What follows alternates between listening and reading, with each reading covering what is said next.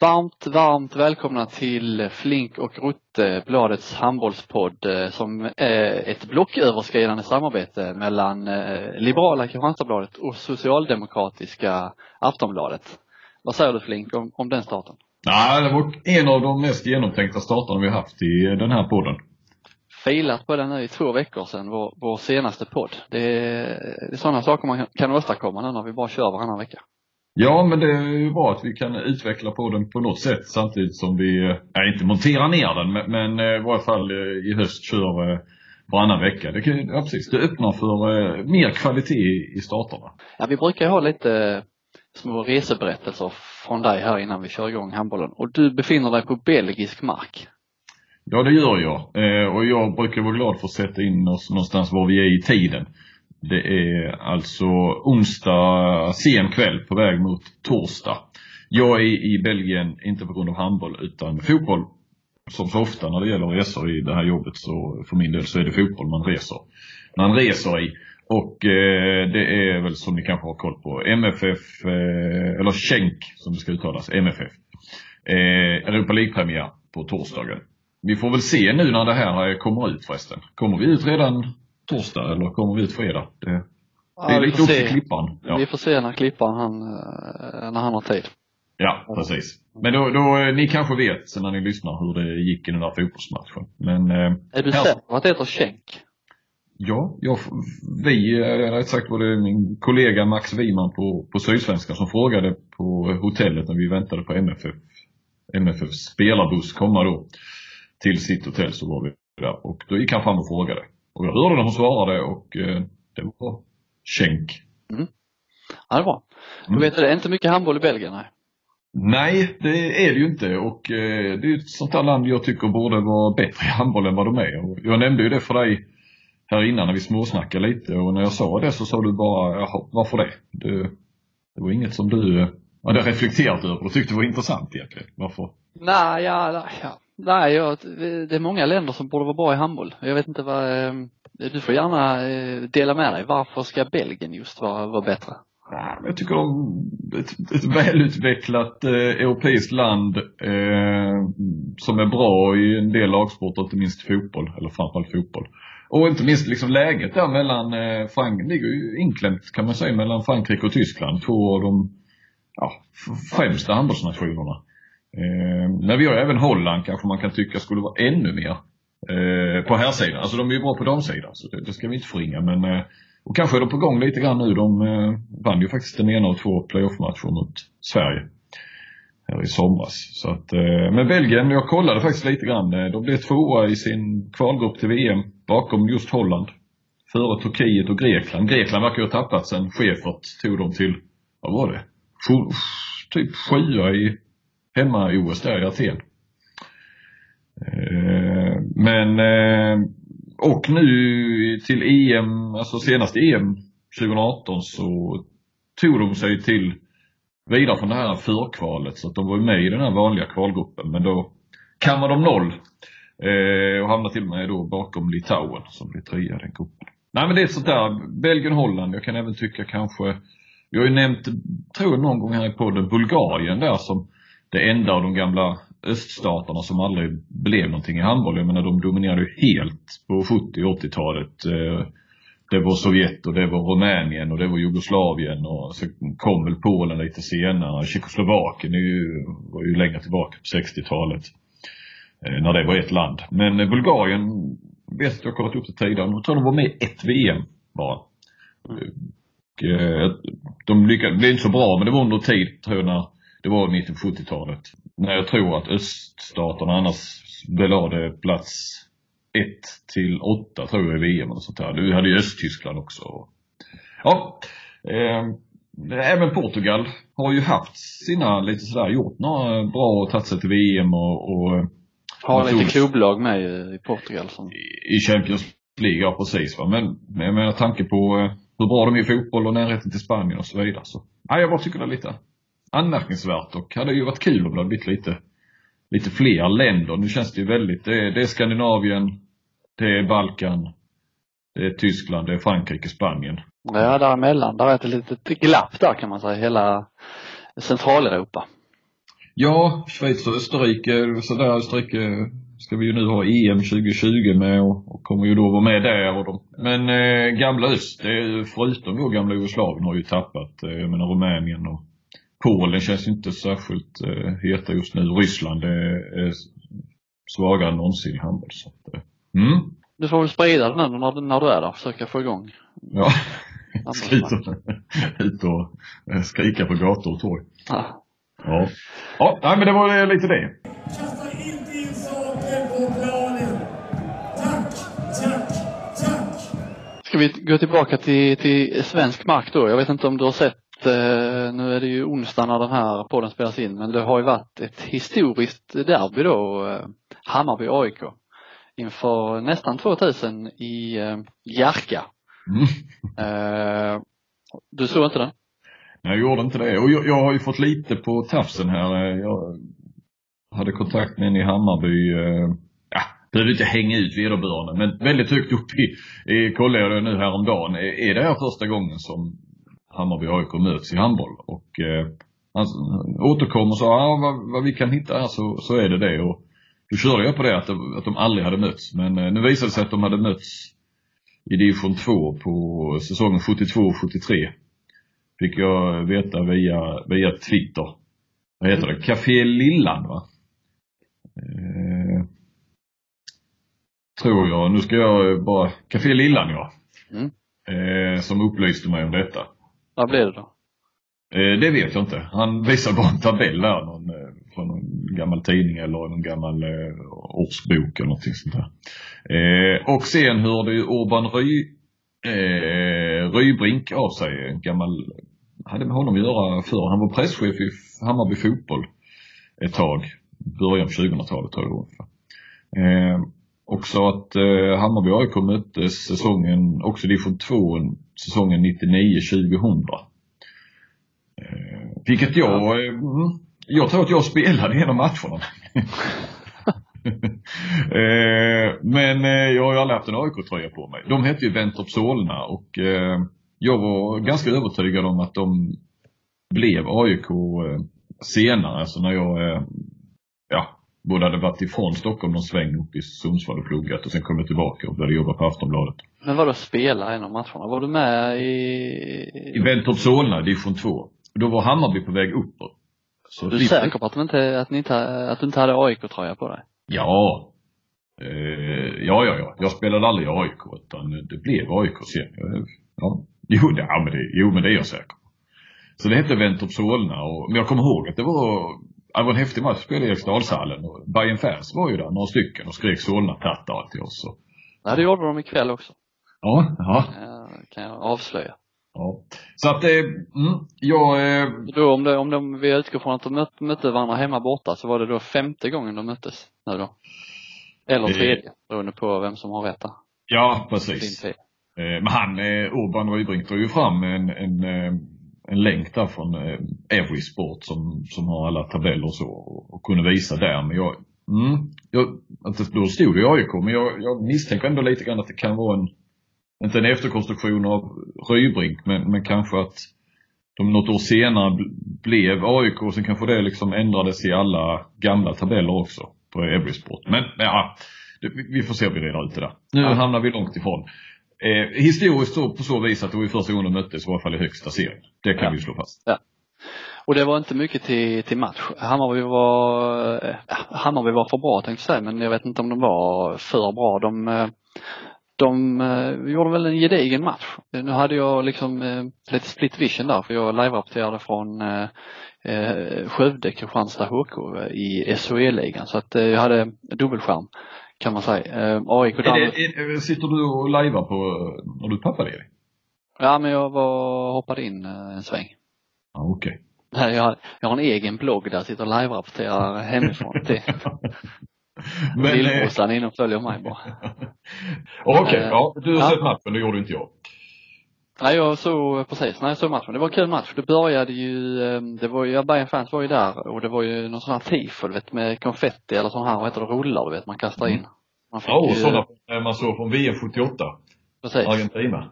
Klassiska bilder ju. De slängde dem från högst uppifrån.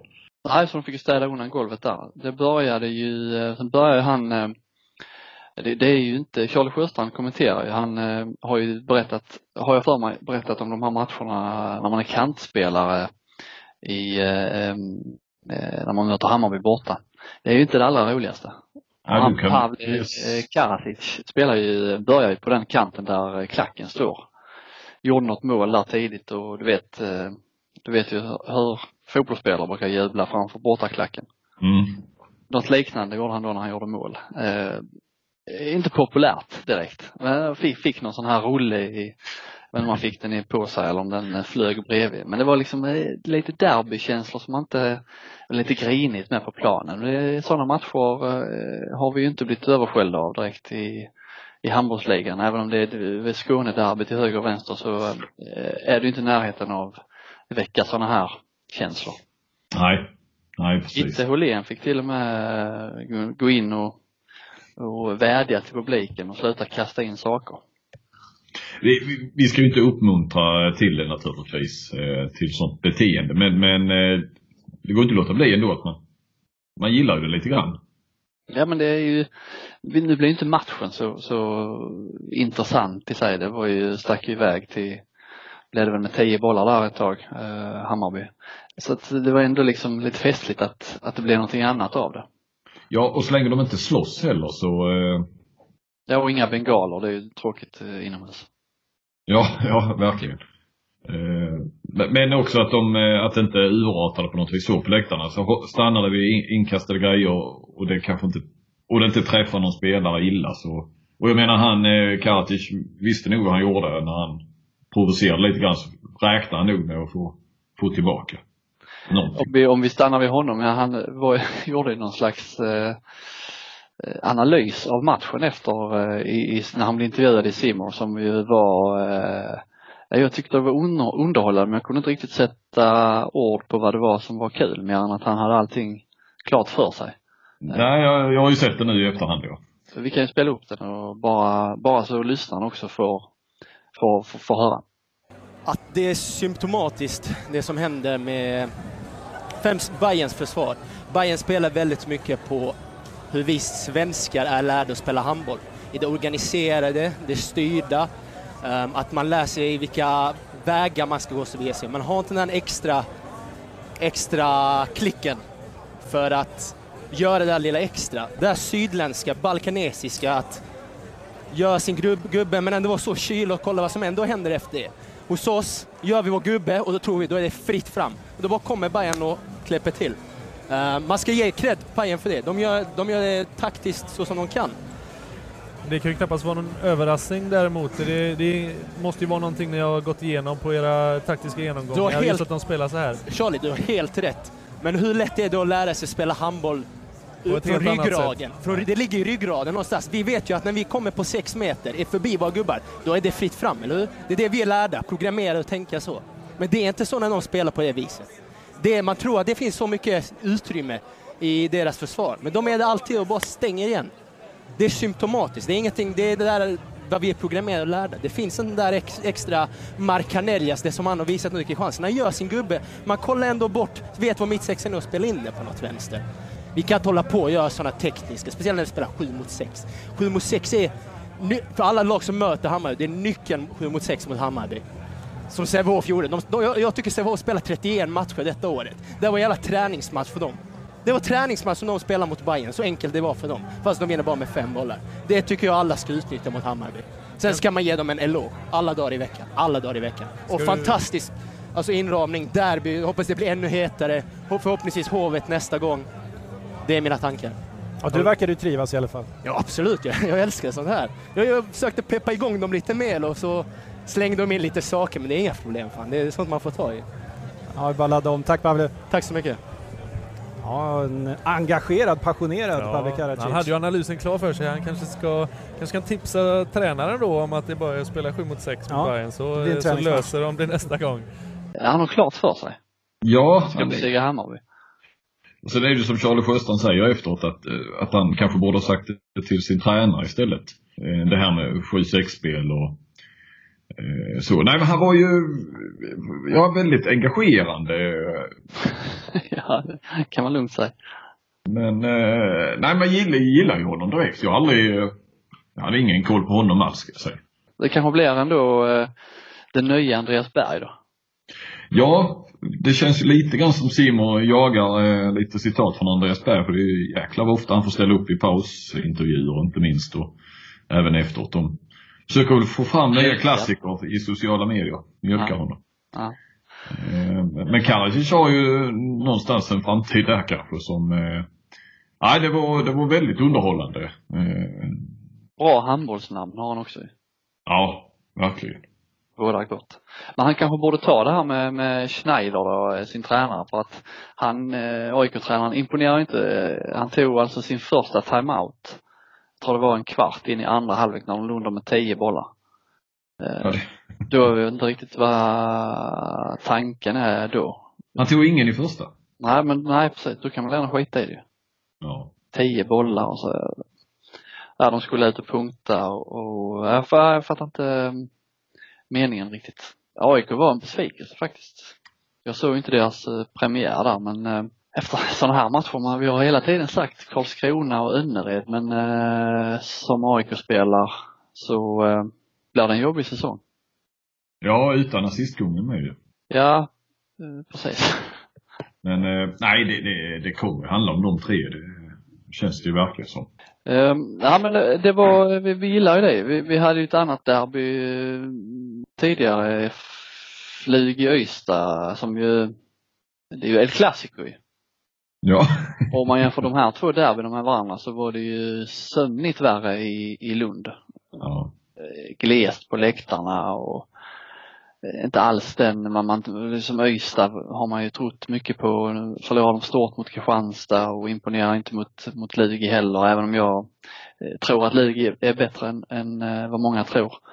Eh, men det, den här liksom pulsen har inte kommit igång riktigt i ligan i år. Det- Man får nästan känslan av att fast att vi bara har spelat två matcher så är vi redan inne i någon slags lunk som om det var, vi har spelat 15-20 matcher ja, jag håller med dig. Och så börjar det här poolspelet så att alla vet att det är 80, nej det är det inte. Men det känns som det är 80 Skånederbyn. Som börjar, Ja. som inleder säsongen. Sen undrar om inte kvaliteten på, eh, på lagen den här säsongen är sämre. Rätt mycket sämre än eh, bara man går tillbaka ett år. Liksom annars, den här säsongen har ju alla förutsättningar egentligen. Kristianstad tappar eh, tongivande spelare. Jätteläge, även om de har, kan förstärka så är det ju ändå läge för, för eh, andra lag att kanske närma sig då. Men liksom Malmö, eh, inte har de blivit bättre. Alltså, Kristianstad liksom avfärdar både Malmö och Ystad rätt eh, relativt enkelt ändå. Mm. Trots de, de här tappen. Och Malmö och Ystad kanske sämre. Alingsås eh, är inte bättre i alla fall. Alltså, det, är inte, det är inte så många lag som har, som har tagit det här klivet upp utan snarare tvärtom. Sävehof som vi väl då, som möjligen och med största sä- säkerhet, eller det ska de ju vara bättre än i fjol. Eh, med tanke på vilken svag säsong de gjorde, mer eh, ur det perspektivet. Har väl inte heller sådär imponerat i Say hello to a new era of mental health care. Cerebral is here to help you achieve your mental wellness goals with professional therapy and medication management support. 100% online. You'll experience the all new Cerebral Way, an innovative approach to mental wellness designed around you. You'll get a personalized treatment plan from a therapist, prescriber, or both in a safe and judgment free space. Your cerebral therapist or prescriber will outline a customized plan with clear milestones along the way so you can get to feeling your best. With Cerebral, you're not alone in your mental health journey.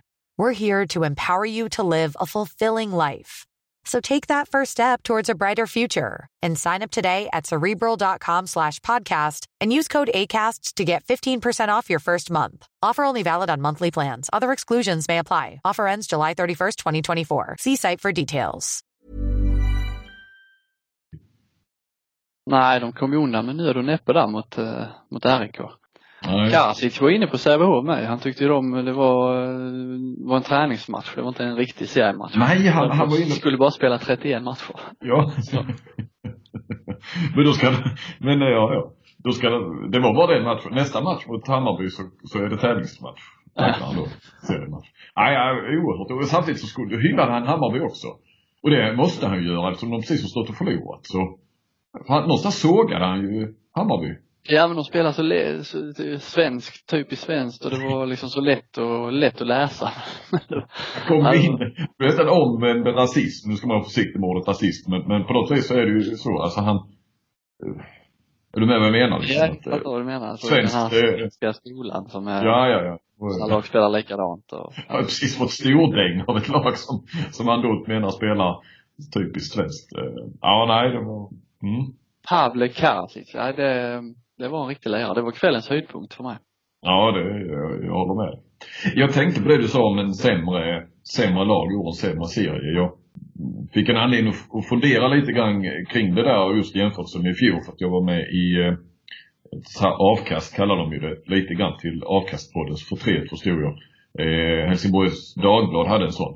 Ett uppsnack som de har kört avspark inför fotboll och nedsläpp inför hockeysäsongen och så hade de ett sånt eh, nu inför eh, allsvenskan med där både, både, OS, både herrarna och damerna ligger ju näst högsta numera.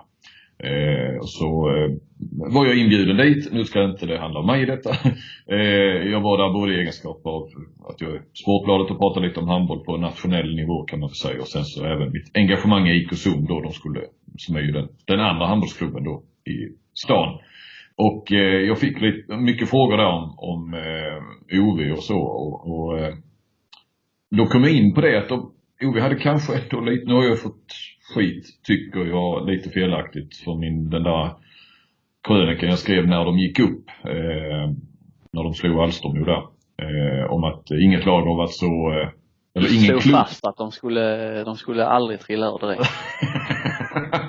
jag skrev väl att ingen klubb har varit så förberedd på upp sen IFK Kristianstad gick upp. Som klubb betraktad. Sen får, så jag skrev, sen får man se om laget också är redo. Det var de kanske inte.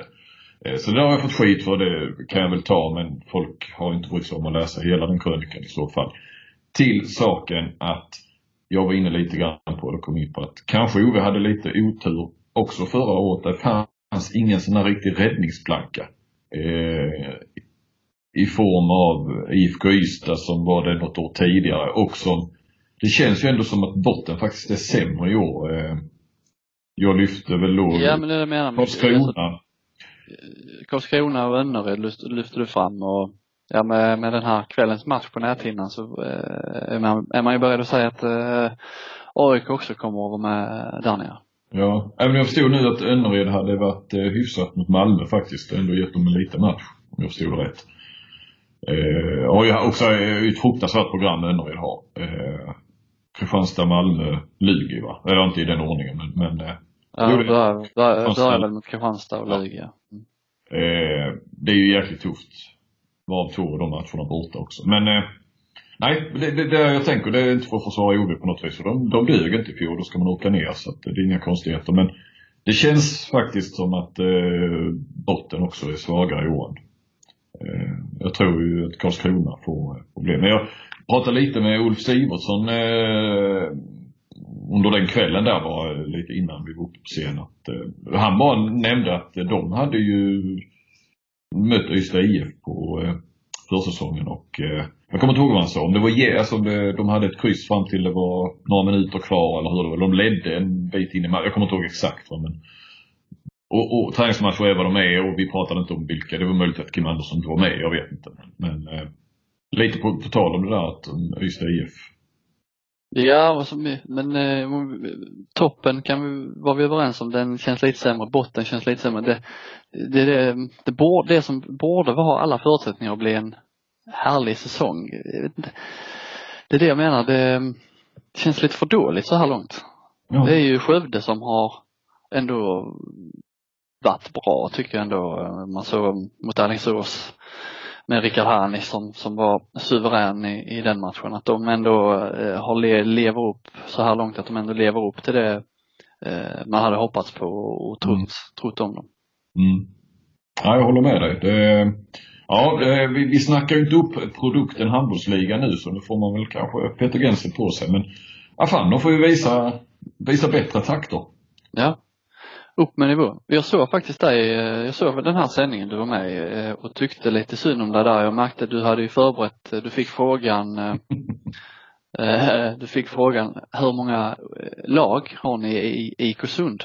Ja. Och det var ju typiskt då för då hade du ju förberett dig då som, som det gör du. Och eh, men då hade du inte förberett antal lag, du hade förberett antal spelare. Ja. där, jag led, led lite med dig där. jo men det, det kändes inte så bra. Man stod där inför hundra helsingborgare handbollsintresserade och kunde inte berätta hur många lag man hade. Alltså det, jag kände att jag kunde börja räkna på fingrarna där. Och så skulle man då, ska man prata om antalet träningsgrupper eller antal seriespelande lag och, och så vidare. Så att jag, jag försökte snabbt föra över det till att jag faktiskt hade tagit reda på hur många spelare det var. Sävehof, eh, ville du gärna eh, reda ut begreppen? Mm, jag tror inte att vi kommer att reda ut det, men vi slänger väl upp bollen i luften. Eh, vi kan ju hålla många bollar i luften här, tror vi. Hur uttalas, hur uttalas det? Alltså, frågan är ju naturligtvis hur, hur ändelsen är, slutet på Sävehof. Sävehof eller Sävehof? Vad Ja. du? Jag säger ju Sävehof. Men jag har ju alltid hört att de flesta i varje fall som spelar i Sävehof säger det med F. Ja, det är väl det, eh, det är väl så också.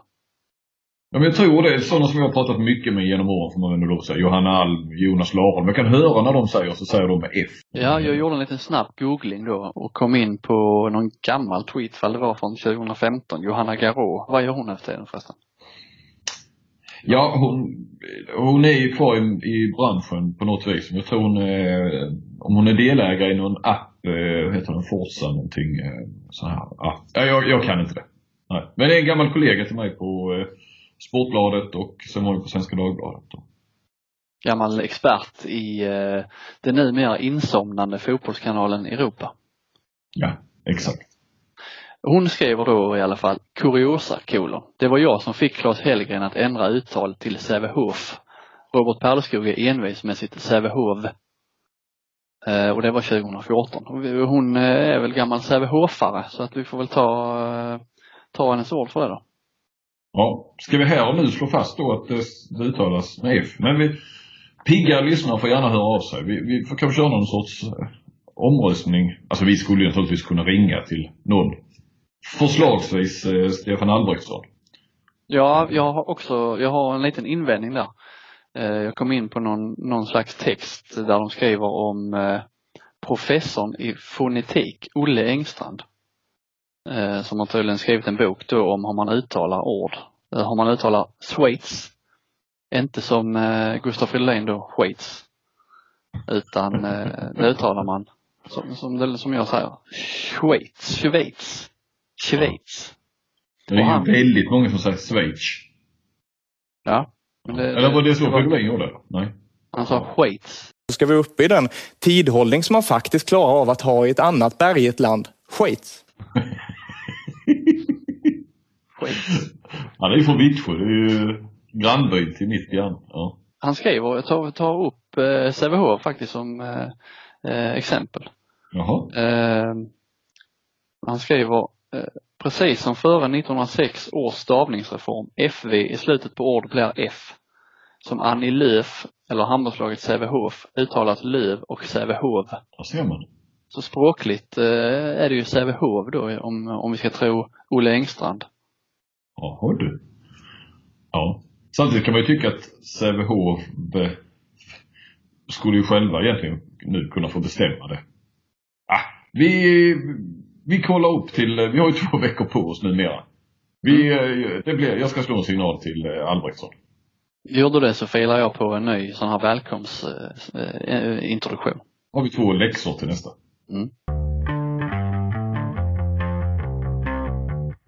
Vi- Det var någonting som jag helt hade missat. Eh, Jag lyssnade på Offside podcast eh, idag och eh, då visade det sig då Johan Orenius som eh, driver den där podden. Han sitter och karläser en bok av Albin Tingsvall.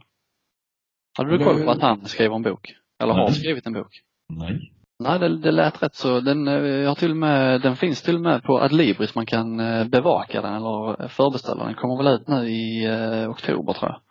Den heter alltså Allt jag förlorade genom att vinna. Eh, ska jag bara läsa, läsa har de, har de marknadsför boken? Mm. Det är då en bild när han springer in i någon mörk arena i landslagsöverall. Eh, då skriver de så här då, eh, de citerar från boken. Jag var 25 år och världen låg på mina fötter. Jag hade vunnit SM-guld, spelat Champions League, fått proffsanbud från de bästa ligorna i Europa och precis blivit uttagen till EM med landslaget. Då bestämde jag mig för att det fick vara nog. Slutcitat. Och den här då ska handla, eh, ja vad händer med, vad händer egentligen med en idrottare när drömmen blir vardag? Vad händer när, all, när alla älskar din prestation men glömmer din person? Och vad händer med människor som från barnsben tränas att aldrig acceptera gränser eller känna efter? Det låter Ja. som en bok som eh, Kim Ekdahl eh, precis lika gärna skulle kunna skriva. Ja, ja. Eh, jag vet ju att eh, Orenius och hans eh, poddkollega Anders Bengtsson har ju pratat rätt mycket om Kim Ekdahl och lite fascinerad över hans sådär. Och lite nog besvikna när han nu återvänder till handboll. Ja.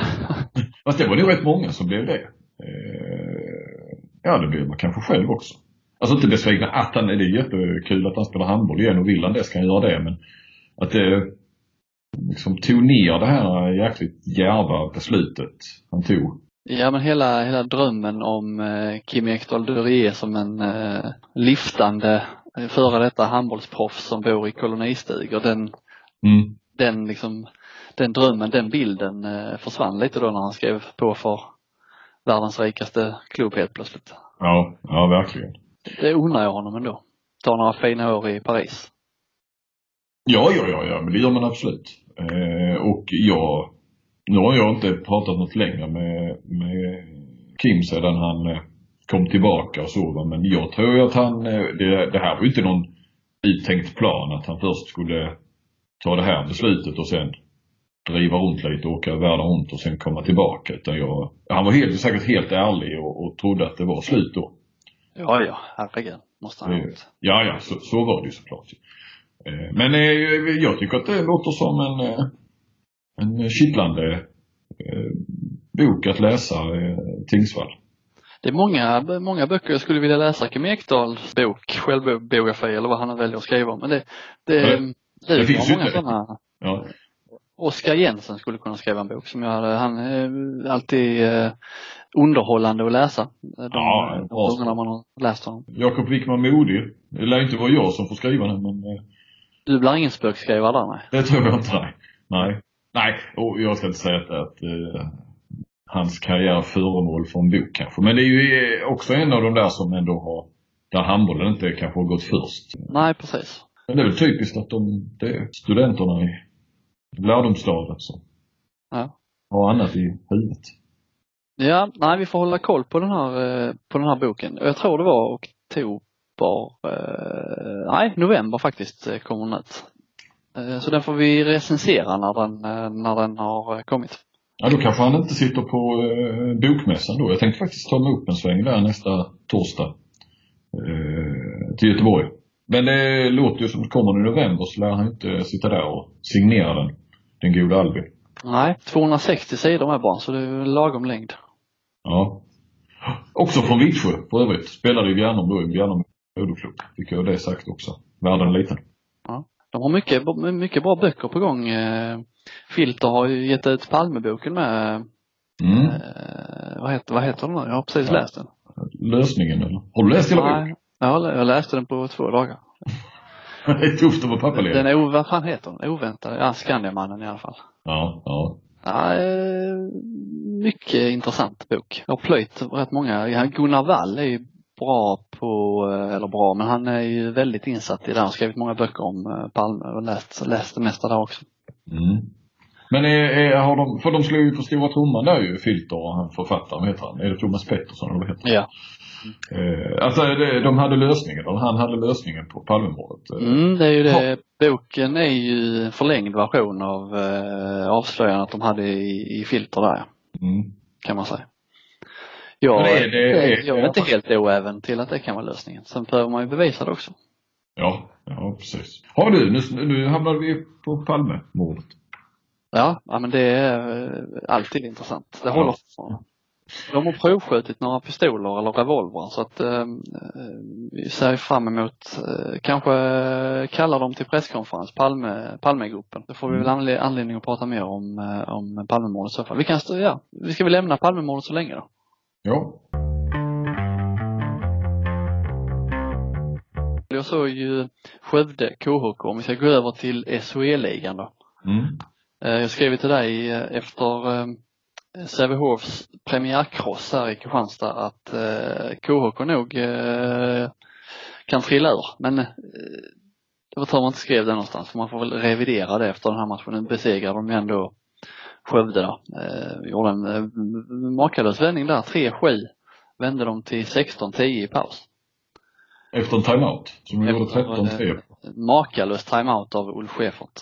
Som han ju, eh, han ville tona ner sin egen roll där, kan man säga. Han är väl, eh, ja men han är ju lite grann motsatsen till de här, jag tänker på de här, vad ska jag säga, nya, nya nya, men den nya skolan fotbollstränare. Magnus Persson som var i MFF och en del av de där som, som verkligen är helt övertygade om att de kan förändra matchbilder och att varje, varje match är en ren hjärnornas kamp och eh, ja, som nog eh, inte underskattar tränarens betydelse. Alltså de gör inte det. Eh, Direkt tvärtom va? Ja, men där, där Schäfert är ju eh, liksom för honom, när man hör honom, jag läste ju din eh, eh, artikel där efter matchen och eh, och som vanligt kan jag förstå precis det här du, som du har sagt flera gånger att eh, det är ju ännu roligare att höra honom. Han är ju bättre i eh, Ja, när jag själv läser texten så var det inte alls, det var inte lika roligt som det var när jag hade samtalet med honom. Nej, men har man pratat med chefen några gånger så kan man ändå, då kan man ändå höra honom. Men det, det krävs att du har pratat med honom och känner honom lite grann för att eh, ha, få, den eh, uppfattningen i text. Men han är ju bättre i, han är bättre i radio än i tidning om man säger. Eh, men han får det ju att framstå som att det där med tränare kan ju vem som helst vara. Det var ju, ja du får, för man kunde inte höra timeouten och du frågade väl honom, men den skulle man gärna velat höra. Vad sa du egentligen? Och han sa att, vad sa han då? Ja, han kommer inte ihåg Nej. vad han har sagt. Nej, men han sa väl vad vi skulle få, vi ska fortsätta med det vi, eh, anfallsspel vi hade och ja. Eh, det är inte så krångligt med timeouter egentligen. Han sa ju också att man vinner ju inga matcher i timeouter även om många, många, många vill hävda det, eller många tror det. Mm. Och att det kan lika gärna gå åt helvete när man tar en timeout. Ja. Kanske Nej. den passningen då till eh, tränarkollegorna i, i, jag vet inte om det var dem han syftade på riktigt eller om det var oss journalister eller publik eller, eller vem det var. Men man kan säga att hans timeout var ju bättre än den eh, som Snyder tog för- i, i AIK. Ja. ja, och han tog ju en också. Han tog den tidigt och, Ja. och någonting, någon, någon effekt var det i varje fall ju. Eh, Men eh, nej, det är ju alltid, det är befriande att lyssna på, på Uffe. Ah, jag vet inte om vi ska prata så mycket mer om den matchen. Det var eh, ingen stor handboll på något vis. Det var liksom kontringsfest fram och tillbaka. Mm. Eh, Men det är ju de här lagen som kommer att ligga där och vi har ju eh, Sävehof, Skuru, H65 och Ja, det är väl de tre i en klass. ja, och sen är det väl eh, ja, Lugi där Mm. under och sen, sen är Ön- det, Önnered tror jag en del kanske kan slåss om en fjärdeplats. Va? Och, eh, ja, sen har vi ju de här Skarak och Kristianstad, Skövde. Ja, det, det är ett helt gäng där som, ja, som, eh, Västerås. slutspel och olika kval. Ja, precis. Heid kanske. Men Skövde tror väl rätt många kan eh, få det rätt svårt att nå en slutspel tror jag. Mm, baserat på det man såg här så eh, är jag beredd att, eh, hålla med de som tror det. Eh, Jag tänkte på du var inne på Kristianstad. Ska vi säga någonting om IFK Kristianstad eh, och förlusten i premiären i Champions League hemma mot Brest, denna måste-match? Det, Det var känns... ett, ett tungt slag. Men det bevisar väl också det vi pratade om tidigare på något sätt. Kristianstad är svagare. Jag skrev i någon införkrönika där eh, inför den matchen att de är, Kristianstad är för bra, att de håller på att bli för bra för den svenska ligan och växa ifrån handbollsligan men de är eh, fortfarande eh, alldeles för dåliga för eh, att hävda sig i Champions League med det undantaget i fjol då när de gick vidare. Men eh, och så finkulerar jag, funderar jag lite själv där om det var eh, att fjol var liksom undantaget som bekräftar regeln och det känns ju ändå som att det är så nu. Alltså att de är, de har liksom besegrat guldkandidaterna tämligen enkelt som vi sa innan men de är inte nära att hävda sig i Europa. De är liksom, ligger däremellan och eh, vad ska det Mm. bli av det liksom? Nu sa ju ordföranden där Cosmo att de i somras på årsmötet där att de skulle vara i Final Four var det innan, inom fem år eller före 2025. Mm. Eh, och det är ju en bit dit kan man säga. Ja, det kan man ju lugnt säga. Det blir inte lättare av den här gruppen om man har hamnat i. Men, men jag menar Brest är ju, Brest hemma är ju, det är ju den matchen de så att säga, måste vinna för att, eh, för att det ska leva. Och det är det som blir så jäkla tråkigt när de förlorar den direkt. Mm. Eh, för nu är det ju, känns det ju tyvärr nästan som att det är kört i Champions League. Och så kommer de ju att jogga, de kommer ju att leda eh, ligan från start till mål igen. Och, eh, och nu så är det ju då fem matcher i finalen och där kommer de att vara och det är inget lag som rubbar dem över fem matcher om inte något Ja, men det krävs ju skador på fasen. Tre, fyra nyckelspelare. Jag är beredd att, att gå så långt. Det är väl ändå och då sticker jag inte ens ut hakan. Men det är nästan så att ja, vi, det är redan nu så känns det här som kanske en av de mest ointressanta säsongerna för IFK Kristianstad. Ja, eh, sen blir det var, roliga var, matcher. var, var kommer spänningen att finnas nu fram till finalen? Möjligtvis en semifinal där, där vi egentligen inte tror att det blir någon spänning där heller. På, på se utdraget ur en matchserie. Nej, eh, jag protesterar inte. Sen blir det roliga matcher eftersom det är så bra lag de kommer att möta i, i Champions League. Så det kommer ju bli, det är ju kul i sig men eh, de kommer inte ha någon chans i gruppen. Det hade de inte haft ändå även om de hade vunnit mot Brest. Men de hade i alla fall skapat någon slags puls kring det. Eh, jo men drömmen hade, hoppet hade ju levt ändå. Jag menar, och så, sen har vi ju sett flera gånger, de slår Rhein-Neckarlöven hemma och, och sådär, att det kommer eh, något storlag och underskattar dem och så tar de någon bonuspoäng där och så kanske de kan skrälla borta mot, eh, mot eh, Brest då eller någonting. Men, men nu känns det ju som, det här var ju en fyrapoängsmatch, de förlorade direkt. Mm. Nej, det de får hoppas på är ju att eh, något av de här lagen, eh, att alla lag tar poäng av varandra och att eh, Kristianstad samtidigt eh, lyckas skrälla eh, ett par, helst tre, fyra gånger hemma kanske mot, mot, eh, mot bra lag och det kanske inte räcker ändå liksom så att eh, eh, men någonstans måste man ändå, även om man vill vara hur positiv man än vill vara kring fortsättningen så du ska ändå hitta de där två lagen. Om du Mm. utgår från att Brest är ett av lagen de ska ha bakom sig så ska du ändå hitta ett lag till som de ska ta fler poäng än. Mm. Och vilka skulle det vara? Nej. Montpellier, mästare som visserligen förlorar mot Vardar, eh, Ja. premiären. Eh, Vardar som alltid är starka, eh, uppenbarligen saknar de flera spelare men vann ändå. Barcelona är ju de många tror minst på, men ska de verkligen ha Barcelona bakom sig? Ah, Nej, alltså jag menar. Men det är möjligt att Barcelona inte är så bra som tidigare, men, men ändå. Det, ja, vilka ska de ha bakom sig då? det är fortfarande ett av Europas åtta bästa lag. Nej, nej, precis. Det går Nej, det, Men sen tittar man då helt plötsligt i eh, den andra gruppen då som eh, den här onsdagskvällen så Zagreb då som Kristianstad slog ut i fjol. Då åker de till Tyskland och besegrar Flensburg. ja. Så det är liksom, det är något märkligt där. Zagreb har ändå någon, även om de åkte ut i fjol så har de en annan ställning och det är, Kristianstad är inte där. De kan inte, de kan inte besegra de här lagen på bortaplan som, som det är nu. De behöver, behöver behålla sina spelare längre. Ja, ja.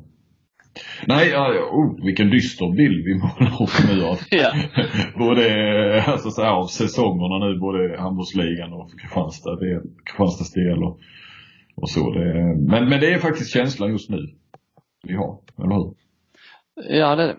Däremot eh, Champions League är ju kul. Eh, om man ska, jag såg Vesprem Kiels eh, som var, föregick Kristianstads match där mot, eh, mot Brest och där är det väl mycket möjligt att vi har eh, två Final Four-lag.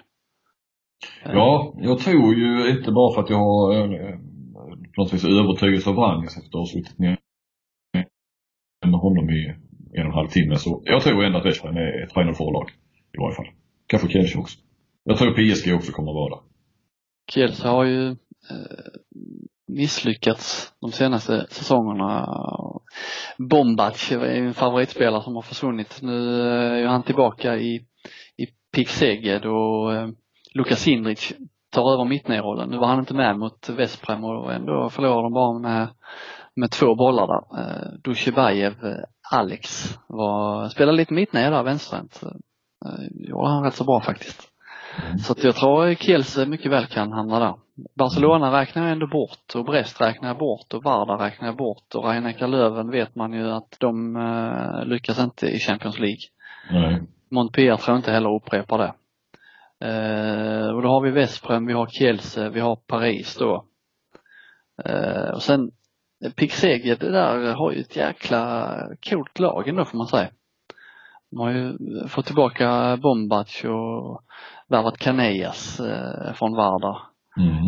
Eh, de tänkte man där, då slog de ju bara Zagreb med, med en boll i, i premiären och då tyckte man att det var ett tecken på att de kanske inte är så bra ändå, Pick inte redan i alla fall. Men sen med Zagrebs seger mot Skjern i, i, i åtanke så var kanske den där borta segern rätt bra ändå från, från Seged.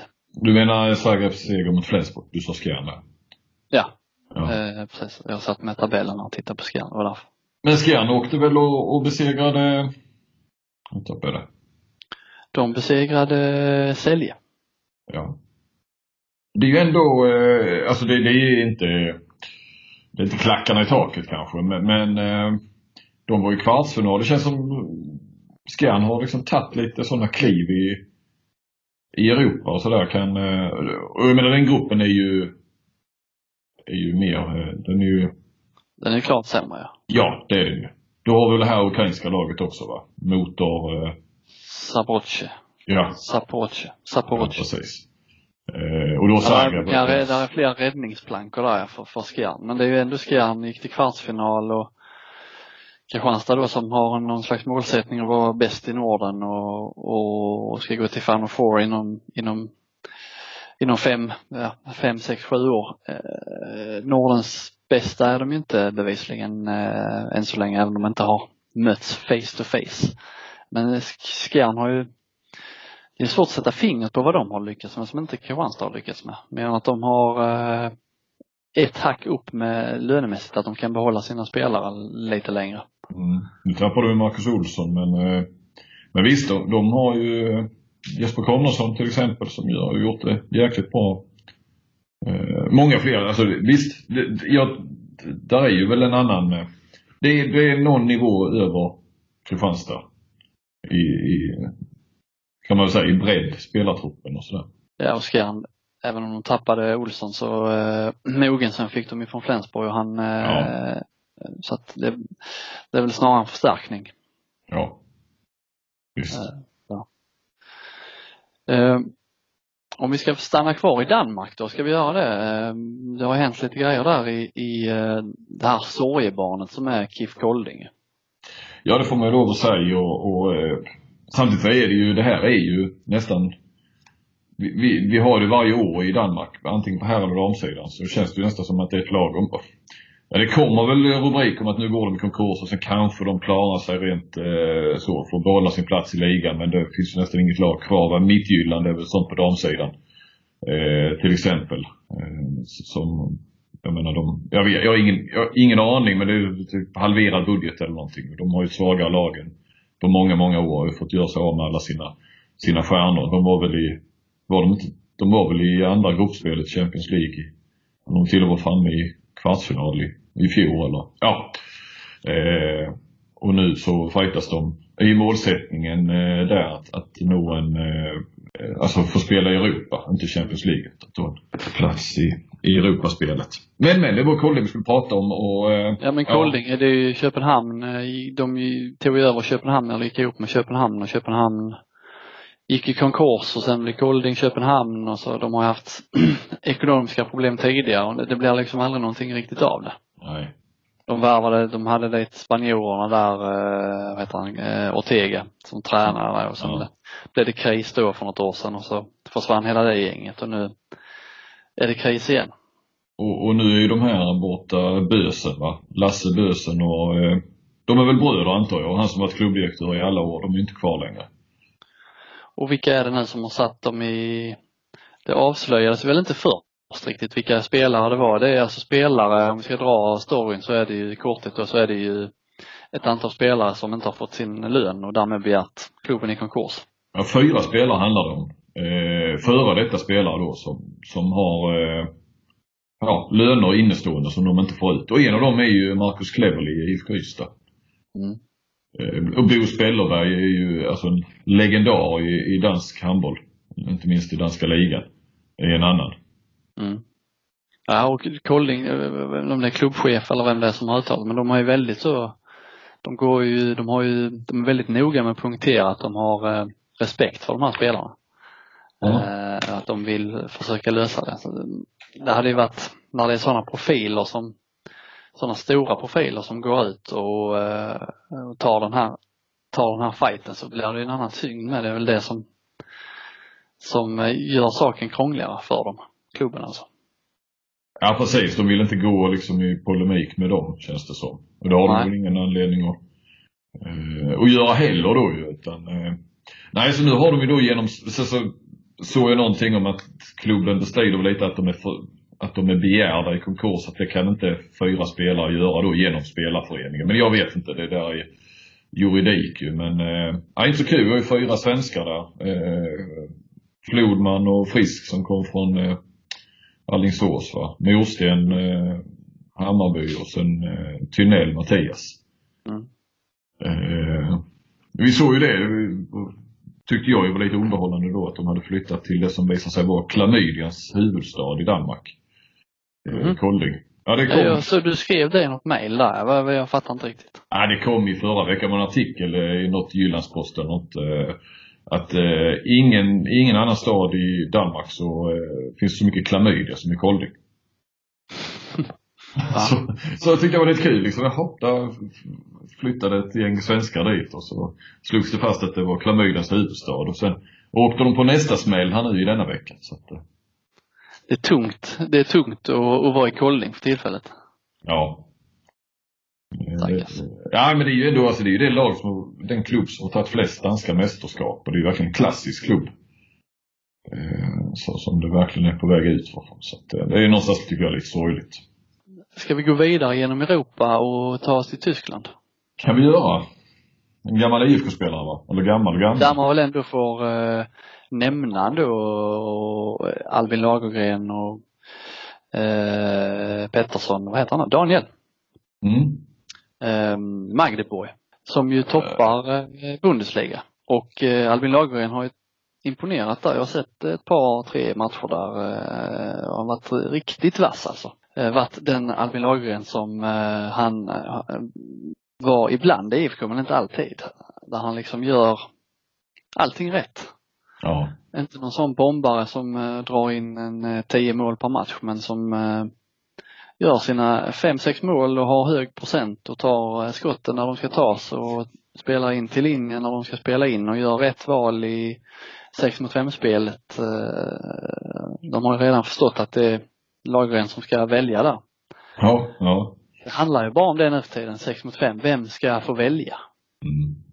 Och där har ju, det såg man ju inte minst en- i Kristianstads match mot Brest att det tomrummet är ju rätt så tufft att följa. Då var det helt plötsligt Tate och Einarsson som skulle välja eller var det Filip Henningsson och eh, de är duktiga på sin sak men just det här att göra rätt val vid rätt tid med rätt timing eh, där är det inga Albin Lagergrens direkt.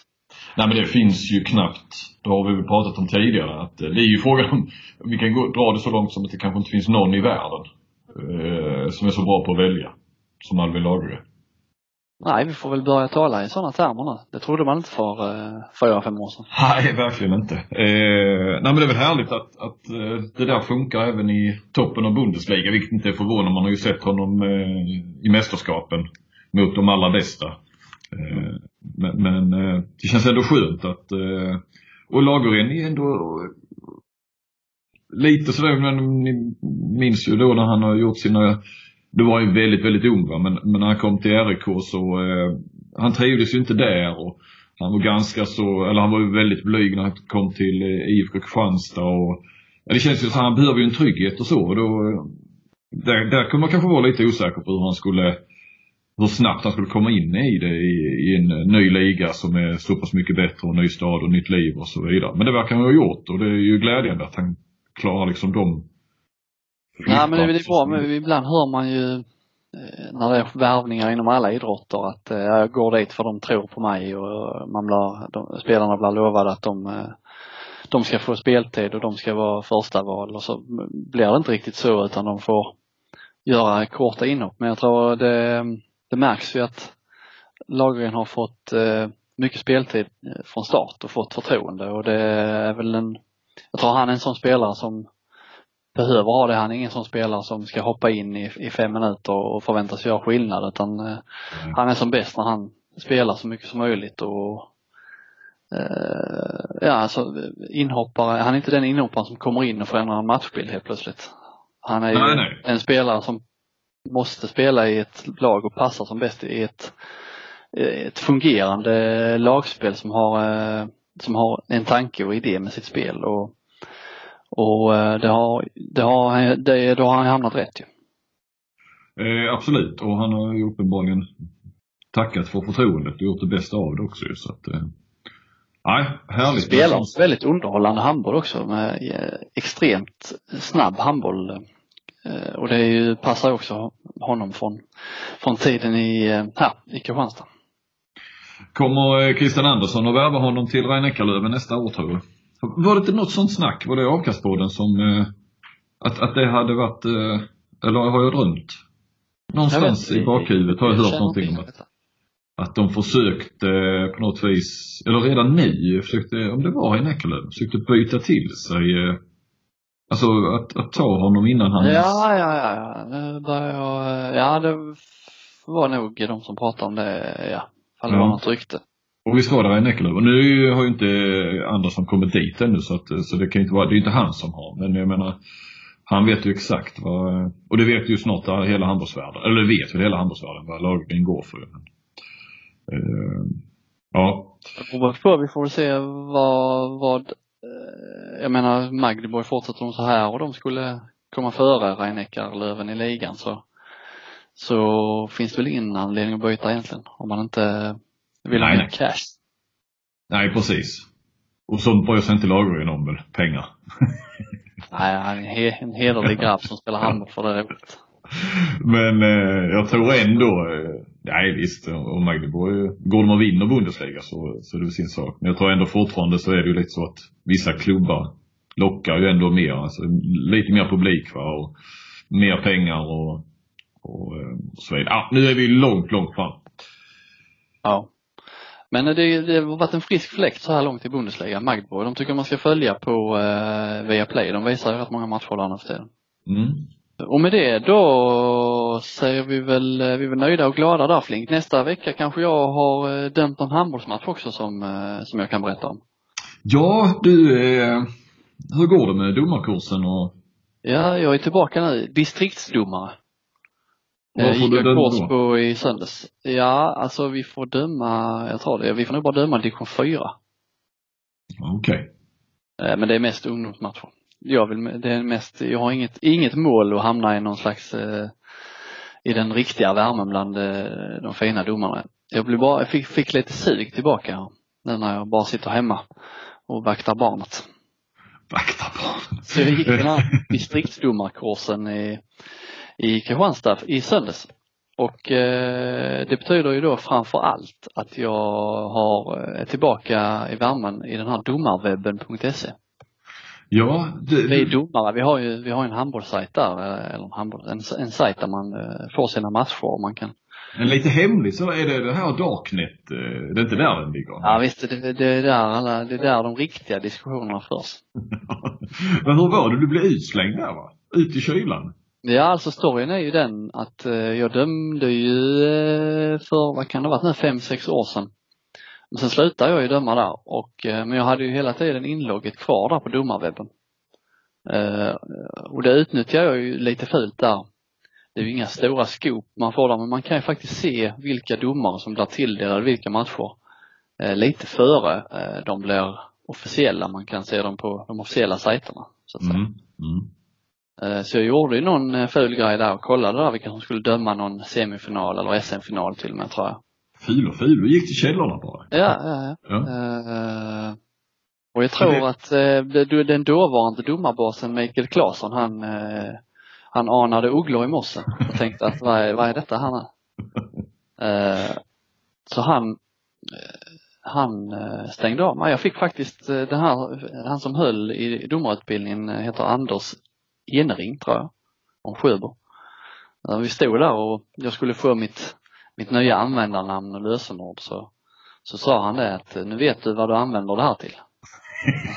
Fick du lite förmaning? Tydligen var det den här Anders då som hade, som hade, klart, hade, hade gett honom i uppdrag att eh, utesluta Robin Nilsson från domarwebben.se. Han, han, Han, han, han verkställde domen liksom. Ja, det är oerhört roligt. jag kom ju till någon SM-final där och eh, stötte på Claesson i hotellobbyn någonstans där. Och han eh, flinade gott och sa, nu kan du inte se eh, vilka domare som ska döma. och då visste jag inte att det var han som låg bakom den här avstängningen. Okej. Han hade gått till högsta ort. Ja, det är oerhört roligt. Problemet är att det finns en annan sajt som heter domarutbildning.se Mm. där det, där det förs lite mer eh, avancerade diskussioner tror jag. Och då måste man, eh, då måste man ansöka om att få ett inlogg där. Det kan du Eh, glömma. Vem, vem är det man ansöker till? Det är. Mikael Claesson. Ja, du, Jag har inte, jag har inte vågat göra det men eh, jag tänkte jag ska skicka in en anmälan här nu och se vad jag får för respons. ja, jag, kan, jag kan inte tänka mig att Claesson kommer att släppa in dig där alltså. Inte efter dina Det, klavertramp.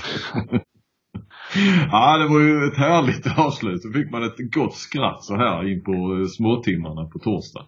ja. Eh, så bara här, eh, Hammarbys tifo ikväll, de hade ju eh, en, eh, lite banderoller som jag missade där, som jag såg här nu på Twitter. Det kan vara kul att läsa upp. Eh, Rico sålde sin sista kopiator till Solnas eviga plagiator. Ni dumpade originalen i division 2. Nu försöker kopiorna nå vår nivå. Ja, det var fyndig. De sjöng också eh, Vi hatar Rico under matchen. Okej. Ja, ja. Ja, Hammarby AIK. Det var, det var, om vi har varit, det har varit mycket mörker känns det som idag. Men eh, Hammarby Rico var, eller Hammarby AIK var, var ändå, eh, det var en ljuspunkt i handbollsligan. Och Karacic intervju och eh, din historia om eh, domarvärmen.